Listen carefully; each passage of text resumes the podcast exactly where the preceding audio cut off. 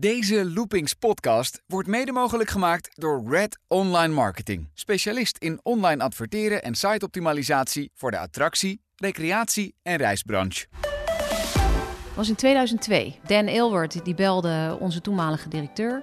En die zei, eh, ja, jullie moeten vanaf nu eh, Halloween gaan doen in het park. Eh, Halloween, ja, iets met heksen en pompoenen. Dus ik dacht, ja, hoe dan? De Loopings podcast met Wessel Wit.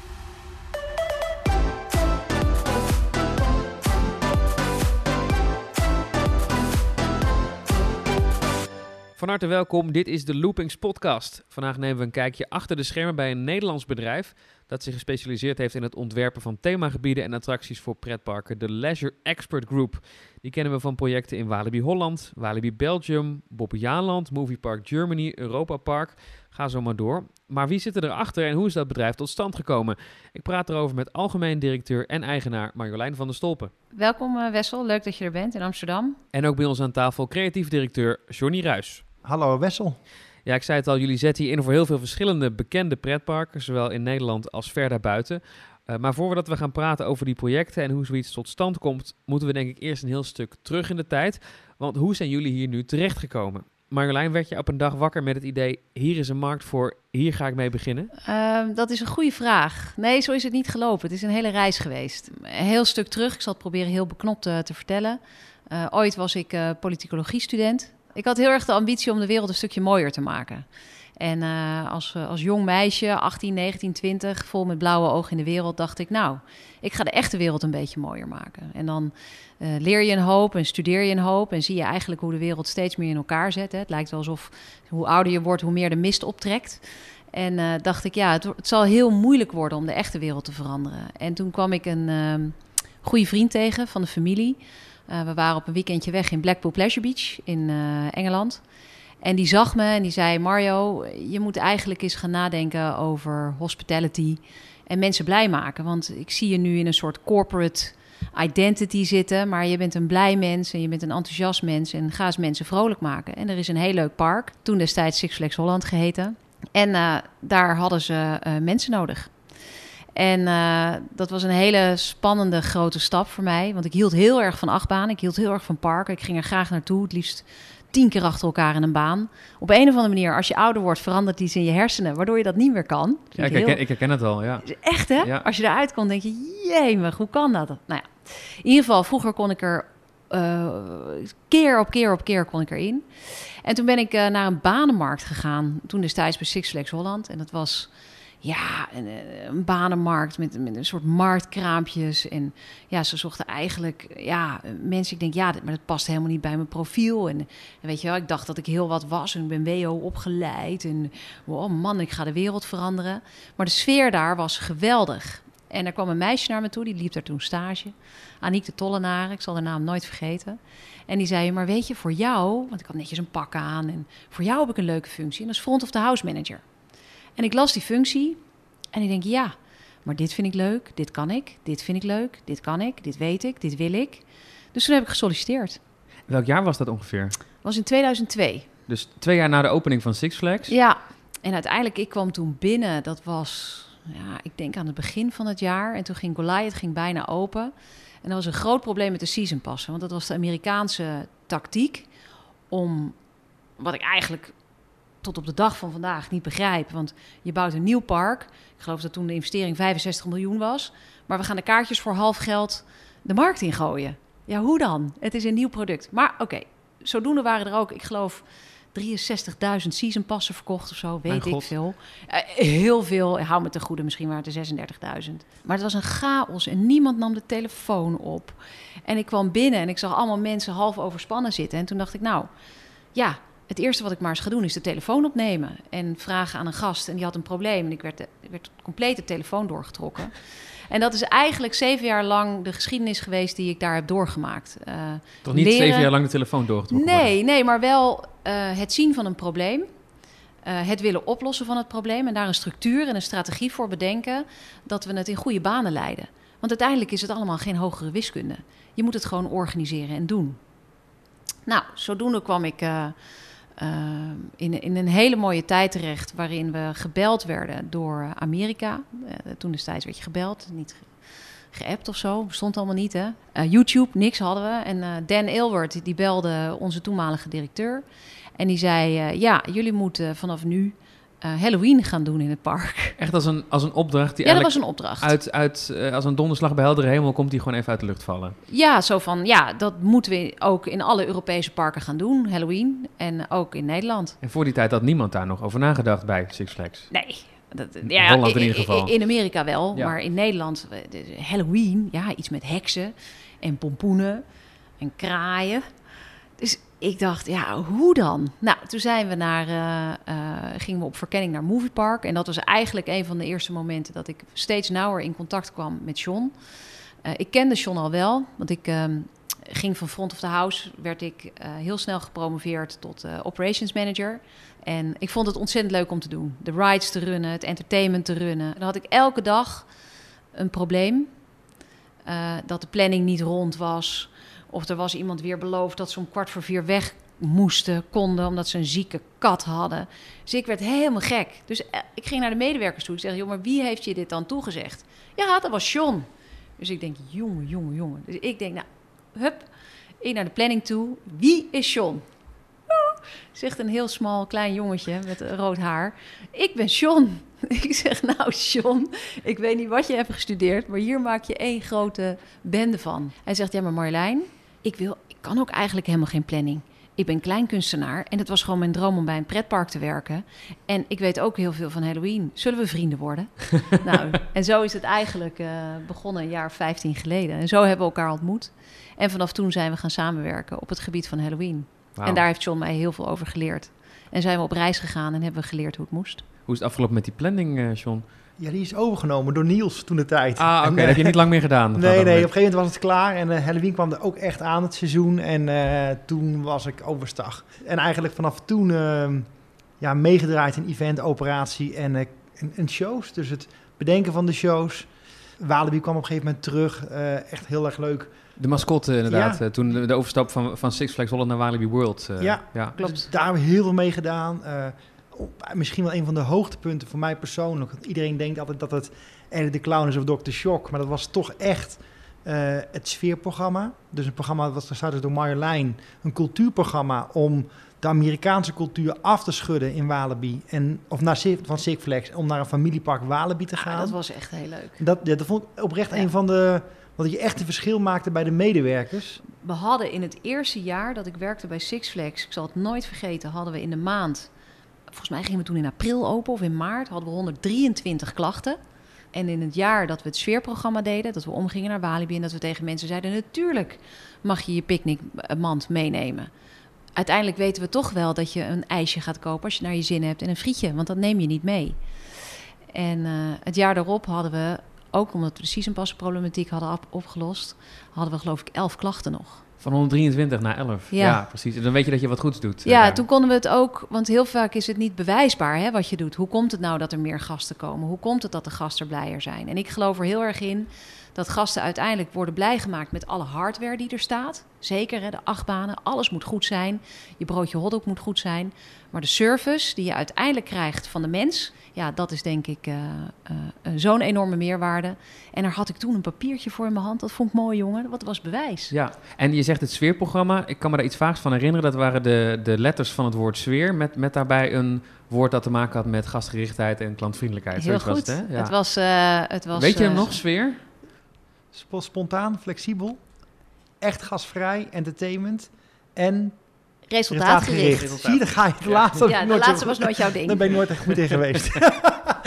en dat werkte blijkbaar bij de medewerkers van, van Walibi World destijds. Ja, want je, je, je gaf ze eigenlijk het mandaat. Hè, als vroeger een gast in Six Flags kwam en die wilde, uh, die wilde een broodje kroket uit de muur trekken. En daar moest je dan een euro voor wisselen. Ja, dat mag niet, want ik mag mijn la niet open doen. En ik geloof heel erg in uh, verantwoordelijkheid en accountability leggen bij ieder niveau in de organisatie. Of je nou 16 bent of 83. Als je mensen maar de juiste bevoegdheden geeft en de juiste mogelijkheden om zelf actie te ondernemen, dan krijg je minder gedoe, minder klachten en minder negativiteit. Dus al die Amerikaanse regeltjes die zijn er uitgegooid? We zijn weer Hollands geworden, denk ja. ik. Eh, eh, had jij wel, eh, John, ervaring wel met Halloween? Nee, maar ik heb altijd passie gehad voor spookhuizen. Vanaf echt de kermis, dat ik vijf jaar was, zo'n spookhuis zien en dan zo'n karretje door deuren heen laten glijden en dan niet weten wat achter die deur gebeurt. Dat, dat vond ik zo fascinerend. En dan kwamen die mensen eruit met een emotie en als kind snapte ik dat niet. Van, wat, is er dan daar binnen gebeurd? Dat die mensen nu of huilen of lachen of... Dus, en dat vond ik, ja, daar kon, kon ik niet over uit. Fascinatie. Ja, en, dat, en toen dacht ik van ja, maar dit is wel. Toen echt, was ik echt vijf, zes. Toen ging ik er al in, want ik wilde weten wat er naar binnen gebeurde. Wat was nou de magie van zo'n gek spookhuis? En uiteindelijk, ja, passen we dat toe in heel veel dingen die ik mag bedenken met het team. Want het gaat allemaal om die spanningsboog. En het kan lachen zijn, het kan drama zijn, het kan horror zijn. Maar uiteindelijk is het, je moet mensen letterlijk op een reis meenemen. En dat met Halloween kon ik dat gewoon tot in de puntjes eh, bedenken, regisseren en eh, ontwerpen met het team. Ja, want als we teruggaan naar dat telefoontje uit Amerika. hey, hallo, jullie moeten Halloween organiseren dit jaar. Hoe is dat toen afgelopen dat jaar? Nou, dat, dat jaar was, was kinderschoenen. Dat was eigenlijk... eh, ik liep zelf met de zwarte krijt rond om mensen wat smink op hun gezicht te gooien. En we gooiden, we hadden een paar props neergezet. Het stelde echt niks voor. Maar wat ik zag, is dat zelfs al stelde het niks voor... de entertainmentwaarde en de reactie van de gast was zo ontzettend groot... dat we eigenlijk twee, drie jaar daarna ermee zijn blijven experimenteren. En we zagen elke keer het mogelijke succes. Toen zijn we, voordat we naar Amerika gingen, zijn we nog een keer naar Duitsland gereden. Want ik vond dat ze het daar al echt goed deden. Ja, bij Movie Park. Bij Movie Park, hè, daar hadden ze al die automatische effecten. Het was eh, Warner Brothers Movie World toen nog. Was Warner? Brothers nog. Maar wel part of the family. Maar Oh, het dat was zat wel bij jullie het, het was wel Six eh. Flags, ja. Ja, ah ja. Eh, In de groep. Ja. Toen zijn we naartoe gereden en toen reden we terug. En we hadden al een soort spookhuis bedacht. En dat zou de Trail of Terror heten, boven bij de toenmalige Superman. Oh ja. En eh, we komen terug. En ik zeg, ja, maar het moet helemaal anders. Het moet helemaal anders. Het moet op de kop. Dus ik samen met een eh, collega van mij... eh, ja, in een hyper enthousiasme het kantoor van de directeur binnengerend en gezegd... we moeten het anders doen. Die hebben overtuigd van ons verhaal. Toen moesten we nog alle mensen die eraan werkten overtuigen van ons verhaal. En toen hebben we voor het eerst een echt spookhuis neergezet... waarvan wij dachten, zo moet het. En we deden iets heel spannends. We gingen er een beetje geld voor vragen. En dat is eigenlijk het begin geweest. En toen hebben we een hele mooie switch gemaakt in 2005, 2006. Want we werkten eigenlijk altijd met vrijwilligers. Nou, dat was best heel lastig. Want je mag een vrijwilliger ja, niet overbelasten. Maar het werd steeds professioneler. En toen hadden we een nieuwe directeur. En eh, we liepen met enthousiasme in het, in het park. Ook een fantastische man. Wie was dat? De, de, de, de eerste directeur die ons het, eh, het, het bruggetje overhielp, die zei: Doe het maar. Dat was Marcel Schoneberg. Mhm. Dus nu directeur van de beurs van Berlage. En de directeur die hem opvolgde was Jan Reuvers. Nou, die ken je ook misschien. Het is een ontzettend enthousiasme en eh, charismatische man. En we liepen rond en we zeiden: Jan, het moet anders. En het moet groter en het moet echter. We moeten naar Amerika om te zien hoe het daar moet. Nou, toen kregen we een heel klein budget. Dat we op de achterste stoel in het kleinste vliegtuig, of het oudste vliegtuig naar Amerika konden vliegen. En daar zagen we het succes bij Universal. En dat was eigenlijk voor mij het omslagpunt, wat ik wel ook een lastig punt vond. We stoppen met vrijwilligers. We gaan het nu echt professionaliseren Betaalde acteurs. betaalde acteurs. Wat ook hoort. Want uiteindelijk is acteren, en dat heb ik al die jaren geleerd, is wel echt werk. Het is niet zomaar, ik vind het zo leuk om wat te spelen of met een kettingzaag rond te rennen. Het is keihard werken. En je moet er ook echt eh, talent voor hebben. En dat eerste spookhuis, dat heette toen ook nog Trail of Terror. Is dat dynamisch gebleven? Ja, Trail of Terror is gebleven. En uiteindelijk toen we Dr. Shock introduceerden, werd dat House of Shock volgens mij. dat klopt, ja. En zo is het in de loop der jaren gaan groeien. ja. En toen was het in één keer een begrip in Nederland. ja, ja. Hoe was dat voor jullie om dat zelf mee te maken? Dat in één keer van, van een paar mensen met, met krijt, eh, een beetje eh, zwarte schmink op het gezicht... eh, naar in één keer duizenden mensen die daar elk jaar weer naar uitkijken. Misschien wel tienduizenden, honderdduizenden Ja. mensen. Ja, wat het, wat het gekke is, als je het zelf meemaakt en er zelf middenin zit, dan maak je dat niet zo heel bewust mee. Dus wij werden die jaren ook overvallen door eh, het werd steeds drukker. En moeten we gaan werken met tijdsloten? En wat gaan we doen en hoe kunnen we verder? En uiteindelijk ja, werd ik een soort ondernemer binnen Walibi. Ja, dat kan natuurlijk niet, want je bent natuurlijk wel gewoon een groot en serieus bedrijf. Dat, was, dat is wel pionieren wat dat betreft. Dat was pionieren. Daar hebben we heel veel ruimte voor gekregen ook. En uiteindelijk is het de pionierfase voorbij en moet je doorgroeien, stabiliseren en structureren. En dat was eigenlijk wel het moment ook voor mij om, ja, uh, ik had het ondernemerschap had ik geroken en ik dacht, ja, wat we hier kunnen, kunnen we voor de hele wereld. Zei ik zonder, zonder enige schroom toen destijds.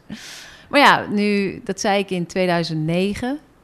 En we zijn nu dan uh, elf jaar verder en we doen nu dingen voor de hele wereld. En in een verbrede vorm. Dus, uh, en Halloween is daar een hele belangrijke leerschool in geweest. Maar ook het feit dat we nieuwe gebieden mochten ontwikkelen in Balibi. Er moesten op een gegeven moment attracties weg, want we moesten bezuinigen. En toen zeiden we, maar hoe kunnen we dan van die bezuiniging juist een kans maken? Hoe kunnen we creatief werken? Nou, toen werkte ik met heel veel freelance ontwerpers. En die freelance ontwerpers die maakten een fantastische tekening. En mooi en groot. En kijk, Mario, dit kunnen we doen. Nou, ik ben vrij makkelijk enthousiast te krijgen. Ik zei, oké, we gaan het doen. Maar hoe, hoe doe ik het dan? En waar staat dan mijn transformatorhuis? En waar is dan mijn disabled access? En waar is dan, waar, hoe werkt dat dan allemaal? En hoe krijg ik het gebouwd en gemaakt? Ja, zei de ontwerper, ja, maar dat, dat weet ik allemaal niet. Dan moet je misschien een aannemer bellen en een decorateur bellen... en misschien iemand van de veiligheidsinspectie die dat soort dingen weet.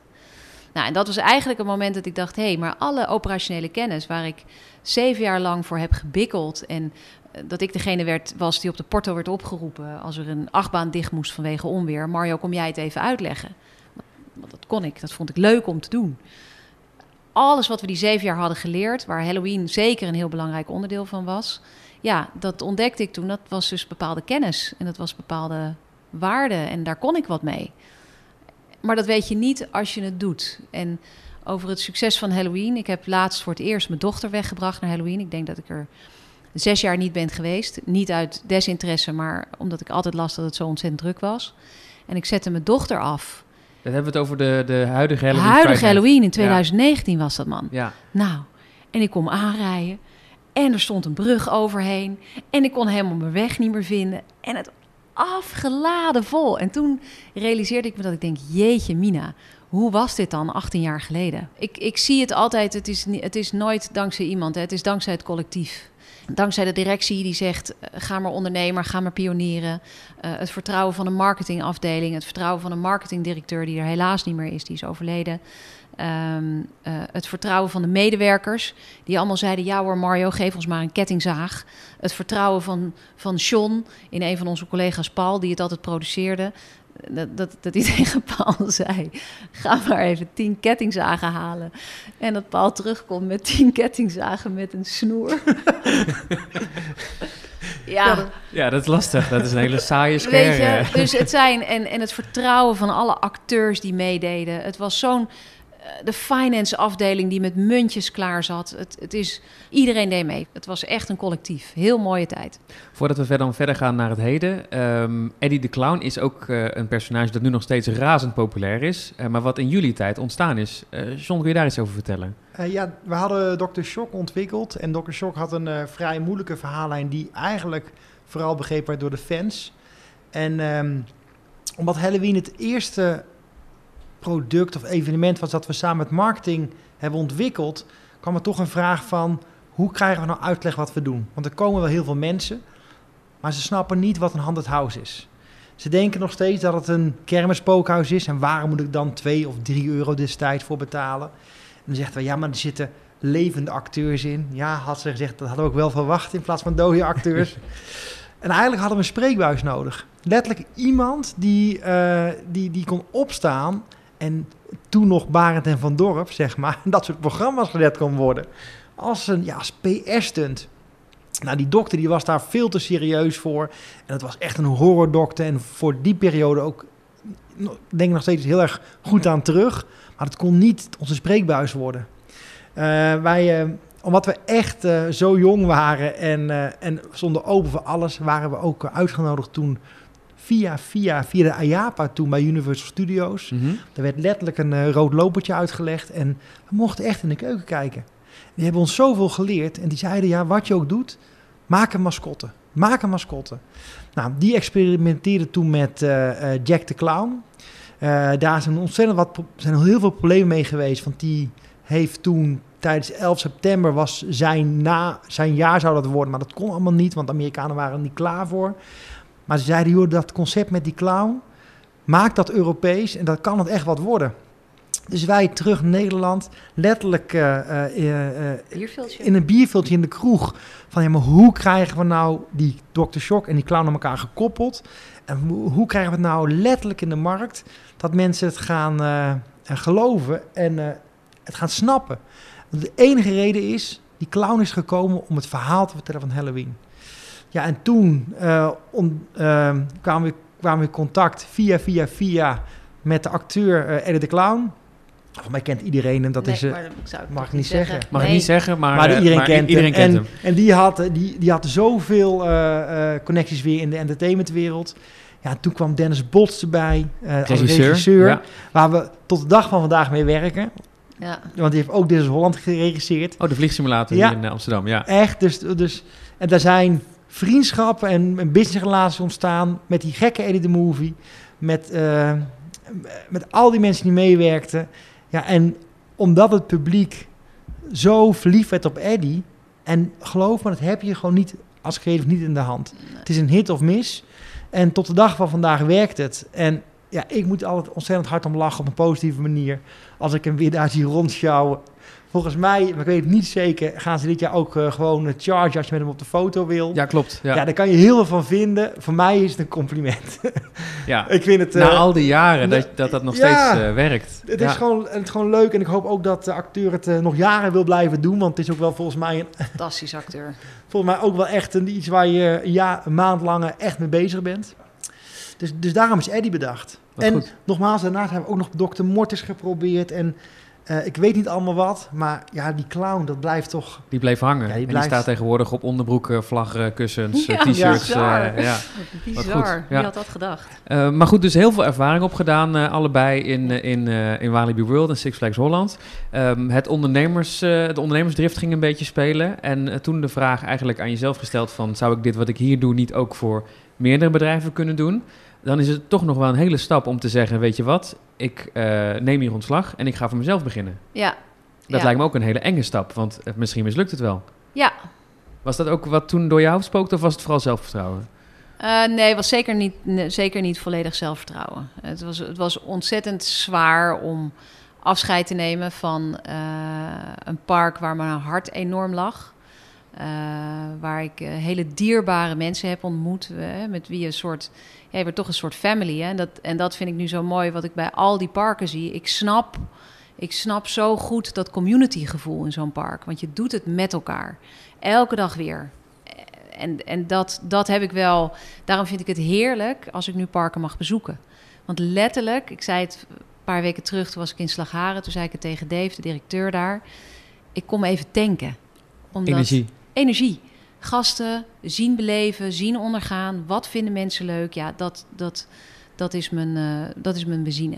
En, en hoe is uiteindelijk eh, het opstarten van het bedrijf die fase gegaan? Waren er Ach. meteen veel opdracht eh, nee joh. voor jullie? Nee joh, het was, het was keukentafelwerk. Het was, eh, heel veel twijfel, weet je wel. Jeetje Mina, jeetje Mina, gaat het wel lukken en gaat het werken? En toen kregen we een heel gek project. Ehm, en dat was Adventure World Warschau. Dat was een park in Polen. Daar- dat moest nog gebouwd worden. Ja, moest ontwikkeld worden. Uiteindelijk was het een hete luchtballon. Mhm. Eh, dat heeft uiteindelijk allemaal pers gehaald en allemaal moeilijke dingen. Ja, maar het dat is was, nooit van de grond eh, het is uiteindelijk nooit gebouwd. Maar zeg nooit nooit. Zeg nooit nooit. En daarin hebben we heel veel kansen gekregen. Toen destijds heette ons bedrijf Jora Entertainment. Mhm. En eh, daar mochten we heel erg bezig zijn met shows, experience en techniek. Maar dat was ook wel de periode dat ik leerde dat ik eigenlijk masterplanning, eh, dus het vooruitkijken voor parken. Wat doe je in welk jaar, waarom, wanneer? Wat doe je met special events? Wat doe je met festivals? Eh, dat, ik, dat we er best oké goed in zijn. Dat we vraag krijgen uit de markt. Dat de kennis die we op hebben gedaan op festivals, operatie, events, best uniek is. Maar dat realiseer je pas als je dat gaat gebruiken. En toen dacht ik, we zijn klaar voor de volgende stap. En wat was die volgende stap? Die volgende stap was voor jezelf beginnen. Ja, was helemaal los. Want met Jora Entertainment waren we een partner met eh Jan Maarten. Met jo Maarten- Joravision? Met Ja. Joravision. Ontzettend fijne samenwerking. Ontzettend leerzaam ook weer. Eh, hij heeft me ook weer wat geleerd op het gebied van ondernemen. Maar ook hoe maak je nou decor. En mijn behoefte werd zo groot om te zorgen dat datgene wat ontworpen werd... ook echt gemaakt kon worden. En wat ook echt werkt in de operatie. En hoe garandeer je dat? Want ook nu met projecten als een, als een partij vraagt, teken eens wat, dan weet je natuurlijk nooit van tevoren zeker of het echt gebouwd gaat worden.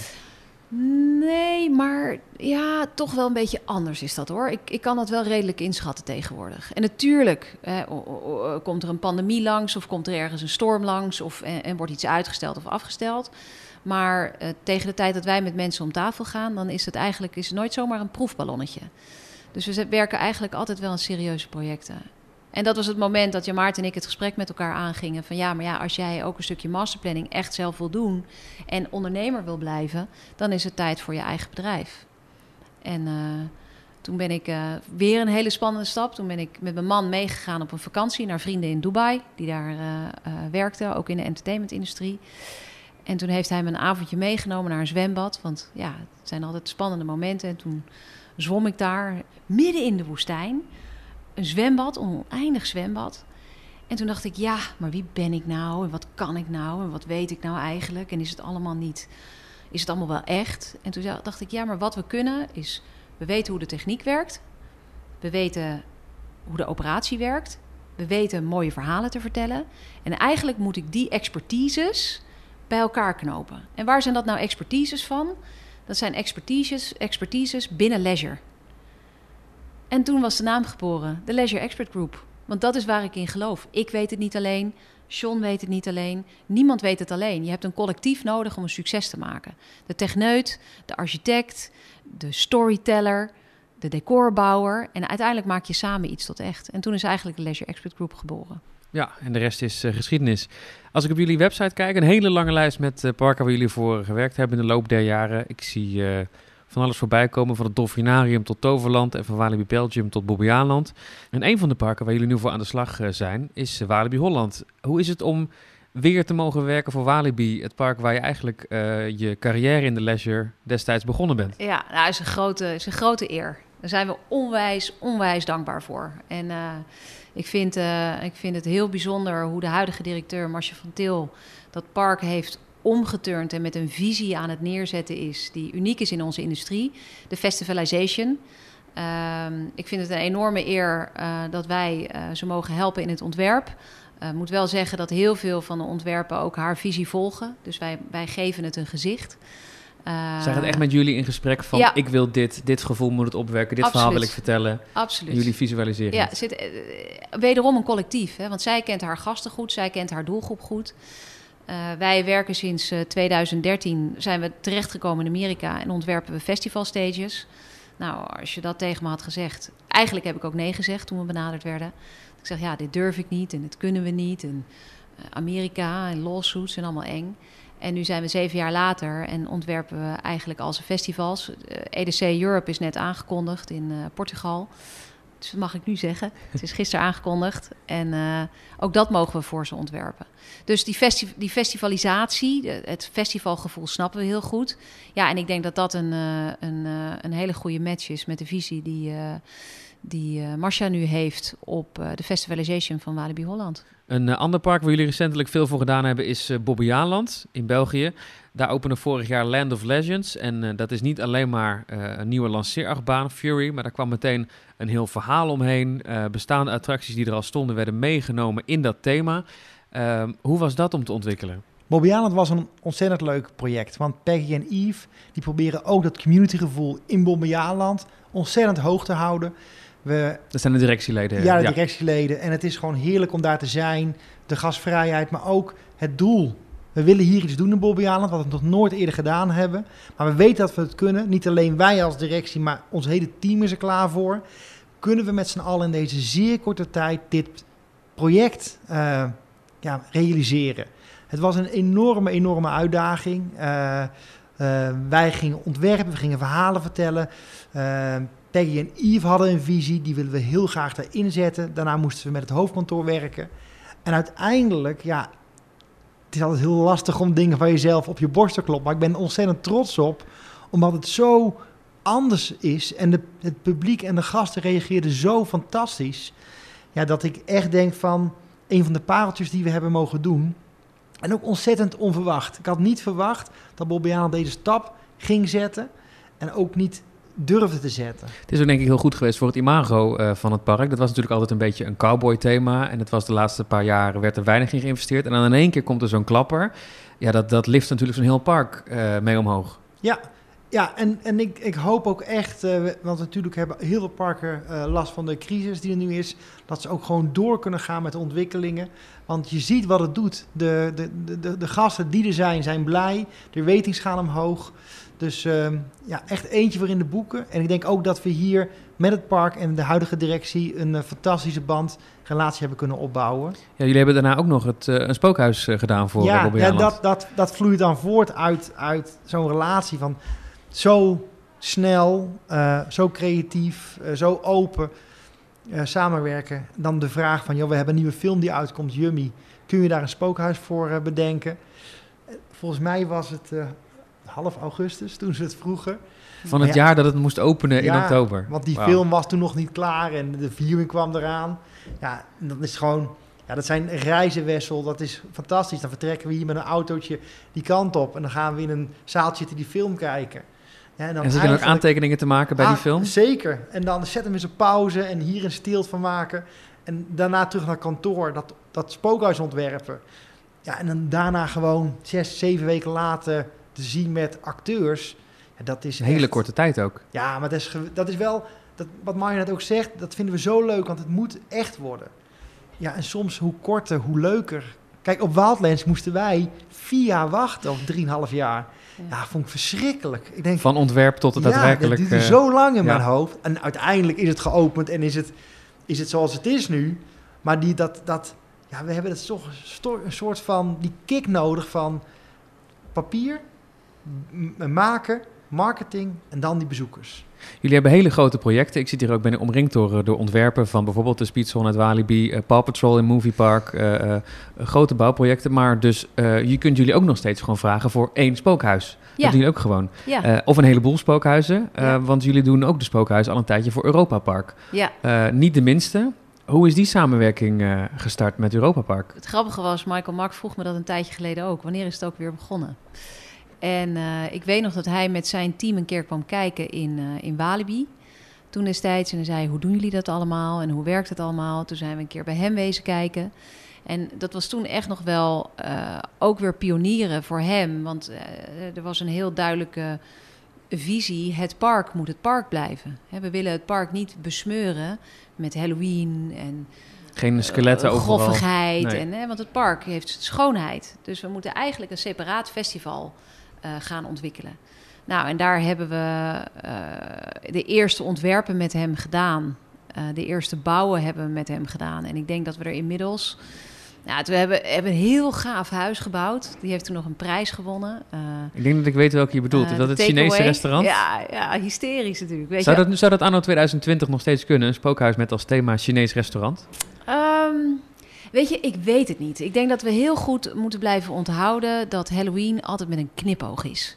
En dingen mogen leuk zijn. Ik vind, je moet altijd heel erg oppassen dat je mensen niet kwetst en niet grof bejegent. Uh, maar ja, we laten mensen ook al tientallen jaren creperen in een tandartsstoel. Dat gebeurt in ieder goed spookhuis. Uh, we laten doktoren gekke dingen doen. Dat betekent niet dat we geen respect hebben voor de tandarts die je gebit netjes houdt. Dus ik denk dat we ons altijd moeten realiseren dat dingen met een knipoog zijn en leuk zijn. Um, we hebben meisjes in korte rokken en om palen, palen dansen. Ja, betekent dat dat ik vrouwen niet respecteer? Nee, maar het is een vermaak wat je op dat moment biedt aan gasten in een hele gecontroleerde en hele veilige omgeving. Een bepaalde sfeer die je neerzet. Ja. En Europa Park, was Europa Park meteen enthousiast toen ze in Walibi waren? Dat ze dachten, oh dit, was best wel gruwelijk hè, hoe het in Walibi gaat, best wel uh, horror. Uh, dat willen wij ook zo op dit niveau? Um, nee, ik denk wel met name dat ze het vermaak wilden. Echt het plezier in de doelgroep. Ik denk dat dat het voornaamste was. Maar ze wilden het wel op hun eigen manier. Dus Michael had ons uitgenodigd in Europa Park voor workshops. Want we gingen daar dus de spookhuizen ontwerpen. En ik weet het nog goed, we waren daar met een heel team. En uh, meteen met uh, uh, een aantal architecten en mensen van Europa Park die dan de techniek erin moesten bouwen. En het idee was ook, uh, we spenderen hier een aantal dagen en uiteindelijk moet er een resultaat zijn, zodat we verder kunnen, want de tijd tikte door. En toen we klaar waren, toen gingen we dat presenteren aan een aantal marketingmensen. En er werd geklopt op de deur en Ronald Mak kwam binnen. De grote eigenaar. Oh, de grote eigenaar. En, en ik heb voor heel veel mensen respect. en Roland hoort daar gewoon ontzettend bij. Want wat die man heeft ontwikkeld daar in rust, ja, dat is ongelooflijk. En ja, ik was toen, ja, dit, ik, ik, had, ik had allemaal haar nog en ik was een hartstikke jong, dus ik begon me te zweten. Want hij ging ook zitten en hij ging kijken en hij zei niks. En ik enthousiast en hij zei niks. En jij was een En we presentatie gaan- aan het geven Ja, over deze spookhuizen willen we gaan graag we voor doen. jullie en, doen. En mensen Ja. van marketing die werden ook een beetje onrustig, want de grote baas was er. Nou, nou, in Duitsland is hiërarchie ontzettend aanwezig nog. En hij- er gebeurde niks. En op een gegeven moment was ik klaar. Toen zei hij: Personally, I don't like it, but it will be a great success. En toen liep hij zo weg. Dat is wel kennis van de markt. Ah, dat was, ja, dus uiteindelijk, wat, en, en toen, als je dan zegt van, joh, maar hoe, uiteindelijk, en dat is dan de familie, heeft toen wel besloten van, joh, deze jongen, die, eh, eh, het bedrijf, die kan het, die is zoveel enthousiasme, die kan het vertellen. Dus toen moest ik ook meteen bij die persconferentie eh, aan die tafel zitten, naast Michael en naast Mark, Mark Terenzi. Dus ik werd meteen echt uit mijn comfortzone getrapt van, ga maar voor de media staan en ga het verhaal maar doen in, eh, in mijn slechte Duits en Engels toen de tijd nog. Ja, en dat was toen wel een soort vuurdoop. En, maar ook dat weer, en dat zorg dat ik daar steeds op terugkom, maar toen is er zo'n band ontstaan, vertrouwen van Roland, het enorme vertrouwen van Michael en zijn team, dat we eigenlijk daarna elk spookhuis wat daar gebouwd is, is, is, is, is, is hier bedacht, daar gebouwd en door hun eh, in operatie genomen. En dat is ja, gewoon bijzonder dat er geen twijfel is ook eh, tot, tot dit jaar van wie gaat het nou dit jaar weer doen. Ja, ik denk dat we daar ontzettend trots op mogen zijn. Dat we zo ver gekomen zijn. Want het is toch ja, een van de grootste pioniers in Europa als het gaat om vrije tijd en pretparken. Zitten er eigenlijk grote verschillen tussen spookhuizen die je ontwerpt voor de Duitse markt of eh, voor de Nederlandse markt? Nou, ik denk niet in Europa. In Europa zitten we redelijk op dezelfde lijn. Alleen ja, wij hebben het geluk dat we ook eh, in Amerika mogen opereren en in China. Jullie, jullie ontwerpen ook Chinese spookhuizen? Ja, voor Chimelong. Wauw. Ehm Chimelong eh, is een eh, soort gekke liefde geworden. Ehm, Mario en, eh, en de directeur van die groep, die spreken dezelfde taal. Niet letterlijk, maar wel op het gebied van leisure. En ja, op, als testballonnetje maken ze twee spookhuizen. En we hebben daar een ehm, theater ontworpen. En een traditioneel horrorhuis, maar echt Europees. Ja, en de scare-technieken, die moeten echt anders in China. Want, want die, die Chinezen stoppen echt met lopen als je van de verkeerde kant skeert. Ga geen meter meer vooruit. Dat is gewoon paniek. Dus Ja. het stopt. Dan gaan ze uit. Ja, ja en, en wat ze ook... eh, eh, g- een heel goor, dus echt met bloed, eh, gaan ze foto's maken. Totaal niet eng. Oh, Maar als het over mutanten en toxic... Ja, daar hebben ze een hele andere reactie op. Dus, en het is ontzettend leuk om dat te leren. Dus ook daar leer je, dan zie je dus weer dat je niet alle kennis hebt. Dan moet je weer gaan kijken, ontwerpen maken. In de Chinese markt maken we zelfs een storyboard. Dus we maken van het spookhuis, voor we überhaupt een muur hebben getekend, gewoon een, een, een journey in storyboard. Wat ga jij als bezoeker meemaken? Dat kunnen we dan daar toetsen. Dan krijgen we dan terug van ja, maar dit past niet helemaal in onze cultuur en dit moet je misschien anders doen. En met die feedback gaan we dan eh, het storyboard revisen en dan pas gaan we ontwerpen. Ja, een compleet andere techniek om te ontwerpen. Maar ja, ik vind dat beren interessant en ontzettend leuk om te zien. En die afstand, eh, jullie ontwerpen iets en dan moet iemand anders het gaan bouwen wat jullie bedacht hebben. Ja. we hebben één keer een spookhuis daar zelf eh, gebouwd. Dat doen we nooit Dat doen meer. we Nee? nooit Nee. meer. Nee, Nee, nee, nee. dat was niet zo'n goed idee. Kijk, was we wel hebben, leuk, was wel cowboy, maar we hebben sowieso de filosofie onze container staat er nog steeds. dat we, niet, dat we eigenlijk een boutique design firm zijn. Dus we willen niet alles zelf bouwen. Maar omdat we zo goed zijn in Halloween spookhuizen en zo snel... met de juiste partners, waar we al jaren mee werken... is dat echt iets wat we gewoon doen. Ehm, in, in, in China vonden wij het eerst heel spannend om het ontwerp zo die kant op te gooien... en dan te kijken wat er gebeurt. Dus Mario en ik, ja, eigenlijk moeten we het zelf bouwen... als we die kwaliteit willen waarborgen. Nou, de container staat nog steeds bij de douane met eh, de spullen. Want het kwam allemaal het land niet in. Het is een compleet andere eh, manier van werken. Uiteindelijk is het opgeleverd met een heel veel eh, Heel veel stress. Heel veel stress, maar het was een Maar het groot was een enorm succes. En eigenlijk hebben we meteen geleerd, eh, ook omdat dat op hetzelfde moment EDC naar China kwam, dat je in China prima kan bouwen. Je moet niet beter ontwerpen, maar duidelijker ontwerpen. Dus nog veel meer uh, uh, aandacht geven voor details. Want als je een streepje, wat je eigenlijk een verwijzingsstreepje op je tekening zet, dat printen ze gewoon mee in je decor als je niet oplet. Want ze bouwen het exact zo naar. Um, maar de spookhuizen die ze nu, of gelijk verleden jaar gebouwd hebben, ja, ik vind dat ongelooflijk knap als je daar de concepten van ziet. En dan zie je hoe het gebouwd is. Je, je mist misschien maar 5 of 10 procent van het gevoel uiteindelijk, wat je nog zelf zou kunnen toevoegen. Um, ik denk dat een heel groot voordeel is. Uh, zeven jaar geleden begonnen wij in Amerika te werken. En ik zat natuurlijk niet elke week in Amerika. Dus toen werkten we al met online meetings, GoToMeeting, Zoom, Microsoft Teams, wat iedereen nu hier het afgelopen half jaar heeft ontdekt. Dat doen we al zeven jaar. Dus we hadden gewoon wekelijks meetings met uh, onze Chinese partners. Van zo moet het, oh ik loop vast op deze vraag. Nou, dan maken we nog even een detailschetsje voor je, of een detailtekening of een bouwtekening. En dan konden zij verder om het te bouwen.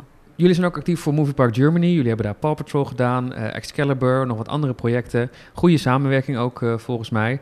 Um, dat is een park wat ook lang geleden uit de grond is gestampt met attracties die nu een beetje oud beginnen te worden en dan een opknapbeurt nodig hebben. Nou, ik weet inmiddels dat jullie spookhuizen kunnen bouwen. Jullie kunnen ook een heel nieuw gebied uit de grond stappen. Maar uh, hoe gaan jullie om met een oude attractie die zo'n opknapbeurt nodig heeft? Is dat lastig? Ja, ja, dat is wel super spannend. Vooral omdat we zijn ook, we hebben ook altijd wel heel veel gevoel bij uh, de echte uh, fans van parken. Dus toen we uh, Excalibur gingen doen, nou, Sean die, die kent, was een van zijn eerste waterritjes, geloof ik, toen hij klein was. Dus toen dat binnenkwam, van joh, wil je dat upgraden? Wil je dat een nieuwe, een nieuwe IP erop zetten? En wil je het mooi maken voor ons? Toen moesten we wel echt even denken, want je komt dan wel aan een, een kernattractie in zo'n park. En daar, dat is wel wat we heel erg leuk vinden om te doen. Hoe kunnen we nou zorgen dat we de identiteit behouden, maar de beleving gewoon echt upgraden en mooier en nieuwer maken. Ja, want dan hebben we het over de oude Never Ending Story. Ja, um, ja toen eh, was hij al verbouwd. Ja, precies. want, want Mystery River. Ja, want uh, dat was een licentie van Warner Brothers. Warner Brothers is natuurlijk uit Europa gegaan. Toen was de Mystery River. Dat was eigenlijk een wildwaterbaan met. Ja, uh, het klinkt een beetje oneerbiedig, maar er stonden carnavalspoppen van carnavalswagens naast de baan. En toen hebben jullie daar uh, een nieuw plan voor gemaakt, een nieuw verhaal voor geschreven. Ja, ja. Ook dit weer in proces, want dat is, vinden we ontzettend belangrijk. Iedereen moet er open ingaan.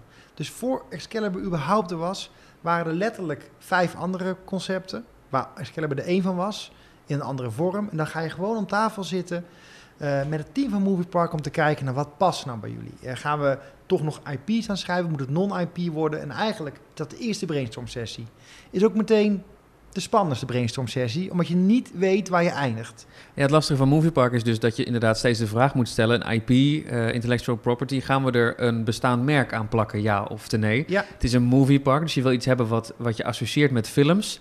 Nou, dat kun je dus doen door filmrechten te kopen, maar je kunt het ook doen, en dat is in het geval van Excalibur gebeurd, door een thema te pakken waarvan veel films bestaan. Ja, juist. En, en dan de grote vraag is, en dat is weer iets wat we geleerd hebben uh, uit het verleden, marketing moet erbij. Want als marketing het niet kan uh, verkopen of vertellen aan de markt wat je gaat doen, ja, kun je het beter niet doen. Maar Excalibur, omdat het, dat het generiek is, dat er zoveel films van gemaakt zijn, zijn marketing, ja, hier kan ik echt wat mee. Ik zie ontzettend veel kansen, ook voor PR. Eh, um, daarnaast dachten wij dat de bezoekers zich ook daarin konden vinden, ook qua locatie, hoe het eruit ziet. Ja, en ook die, en die overlay, die ik zeg niet dat het in een uur gedaan was, maar die voelde zo natuurlijk. En de opvolging van de scènes was uh, logisch, dat die eigenlijk het beste paste. Ja, en daarna is het natuurlijk spannend, omdat die attractie is gigantisch groot en oppervlakte. Of het allemaal kan binnen een bepaald budget in een bepaalde tijd. Ja, dat lijkt me het lastigst, want uh, het liefst heb je natuurlijk een paar miljoen om daar eens eventjes al die rotsen te gaan vervangen en daar nieuwe wandelpaden aan te leggen. En Moviepark zegt, nou, dit is het budget, dit is de tijd en het moet af. Ja, maar ja. het, het, maakt niet uit. Nee. Welk ontwerp je ook doet. Of we nou een podium doen van mega miljoenen in Las Vegas. Of je doet een, eh, een heel kleine attractie. Of je doet een middelgrote attractie. Je komt altijd geld tekort. Want de ideeën zijn altijd groter dan de portemonnee. En het leuke is juist, doordat we hier met verschillende expertises werken, met de verhalenvertellers, die gaan onbegrensd. En dan vervolgens gaan we met onze calculatoren en onze engineers gaan we dat begrenzen. Maar we blijven altijd bij de kern van het idee. Hoe kunnen we het zo mooi mogelijk maken binnen een bestaand budget? En waar we heel erg in geloven, en dat hebben we ook in Moviepark gedaan, door juist dan dingen te, niet te doen. Door niet, ik, als je, als, je, als je soms iets heel erg dun smeert en het verhaaltje heel dun maakt, ja, is het nou frambozenjam, zwarte bessenjam of aardbeienjam? Ik weet het eigenlijk niet. Het is jam. Waar wij heel erg in geloven is kleur bekennen, een duidelijke smaak toevoegen en daarin keuzes durven maken. En niet maar alles doen. Dus voor welk budget je ook werkt, dat is mijn ervaring nu na tien jaar werken voor zo ontzettend veel bedrijven, met grote en met kleine budgetten, je komt altijd geld tekort. Dus Ja. dan kun je beter onderdelen schrappen dan ze allemaal middelmatig uitvoeren. Of we doen het goed, of we doen het niet. En, en, en ik weet niet of ik het mag verklappen.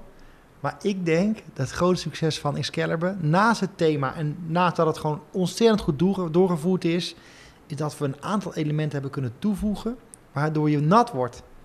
Want het hele nat worden, ja, er waren een aantal plekken in de originele baan waar je dus echt een goede golf kon krijgen. Maar het spetternat, wat wij allemaal als plezierig en leuk en lachen, dat zat er niet in. En we hebben zo hard letterlijk ook eh, de, de, de, de voorgelegen en gedroefd van... bijvoorbeeld bij die rots als je binnenkomt, liggen twee waterbommen. Die maken die scène nu. Het komt ook in het geluid goed naar voren.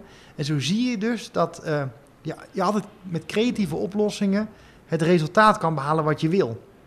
En ik denk bij Excalibur dat dat stiekem ook wel ontzettend bijdraagt aan het succes.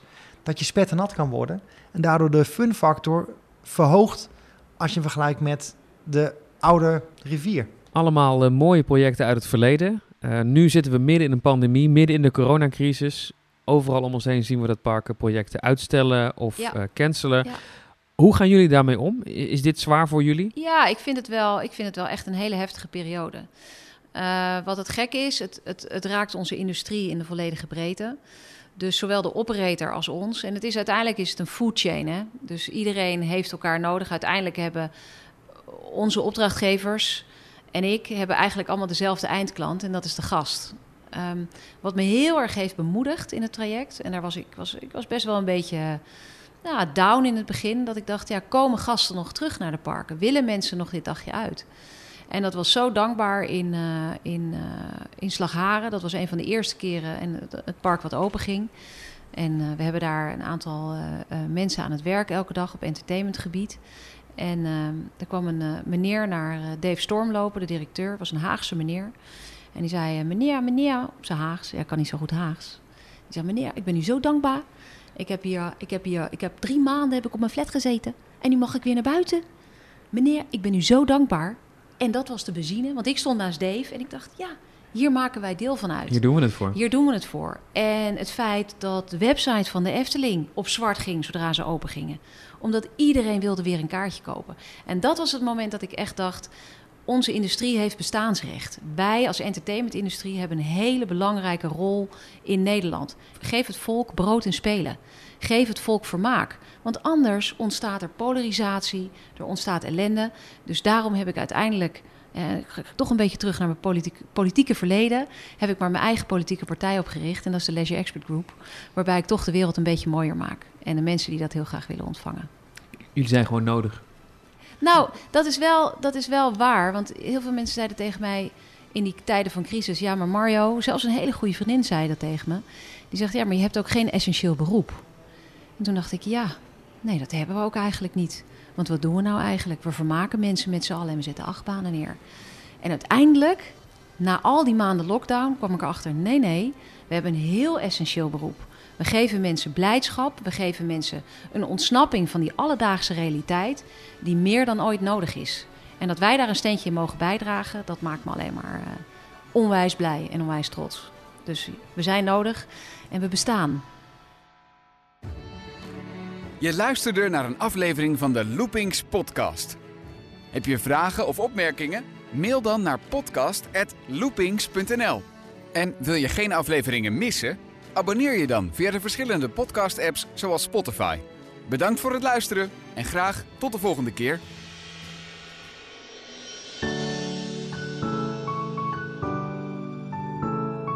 Deze Loopings podcast werd mede mogelijk gemaakt door Red Online Marketing. Specialist in online adverteren en siteoptimalisatie voor de attractie, recreatie en reisbranche.